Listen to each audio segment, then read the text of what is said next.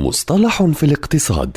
في كل حلقة يطرح المدون وصانع المحتوى الاقتصادي مجدي النوري مصطلحا اقتصاديا محددا بلغة سهلة وبسيطة.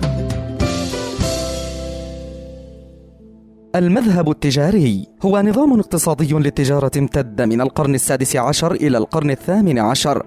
حيث استند إلى مبدأ أن ثروة العالم ثابتة وبالتالي كان على الحكومات تنظيم التجارة لبناء ثروتها وقوتها الوطنية. وقد حاولت العديد من الدول الأوروبية تجميع أكبر حصة ممكنة من تلك الثروة عن طريق تعظيم صادراتها والحد من وارداتها. وهناك من يشير إلى أن هذا المذهب كان أحد أسباب اختراع ما يعرف أو ما عرف بالتعريفات الجمركية. ونظرا للطبيعة القومية للمذهب التجاري فإنه كثيرا ما استخدمت الدول القوة العسكرية لحماية الأسواق المحلية ومصادر التوريد. وقد تم استبدال المذهب التجاري بالنظرية الاقتصادية للتجارة الحرة في منتصف القرن الثامن عشر. وكان لهذا المذهب التجاري العديد من الخصائص الجديرة بالملاحظة. أولا الإيمان بالطبيعة الثابتة للثروة. ثانيا الحاجة إلى زيادة المعروض من الذهب.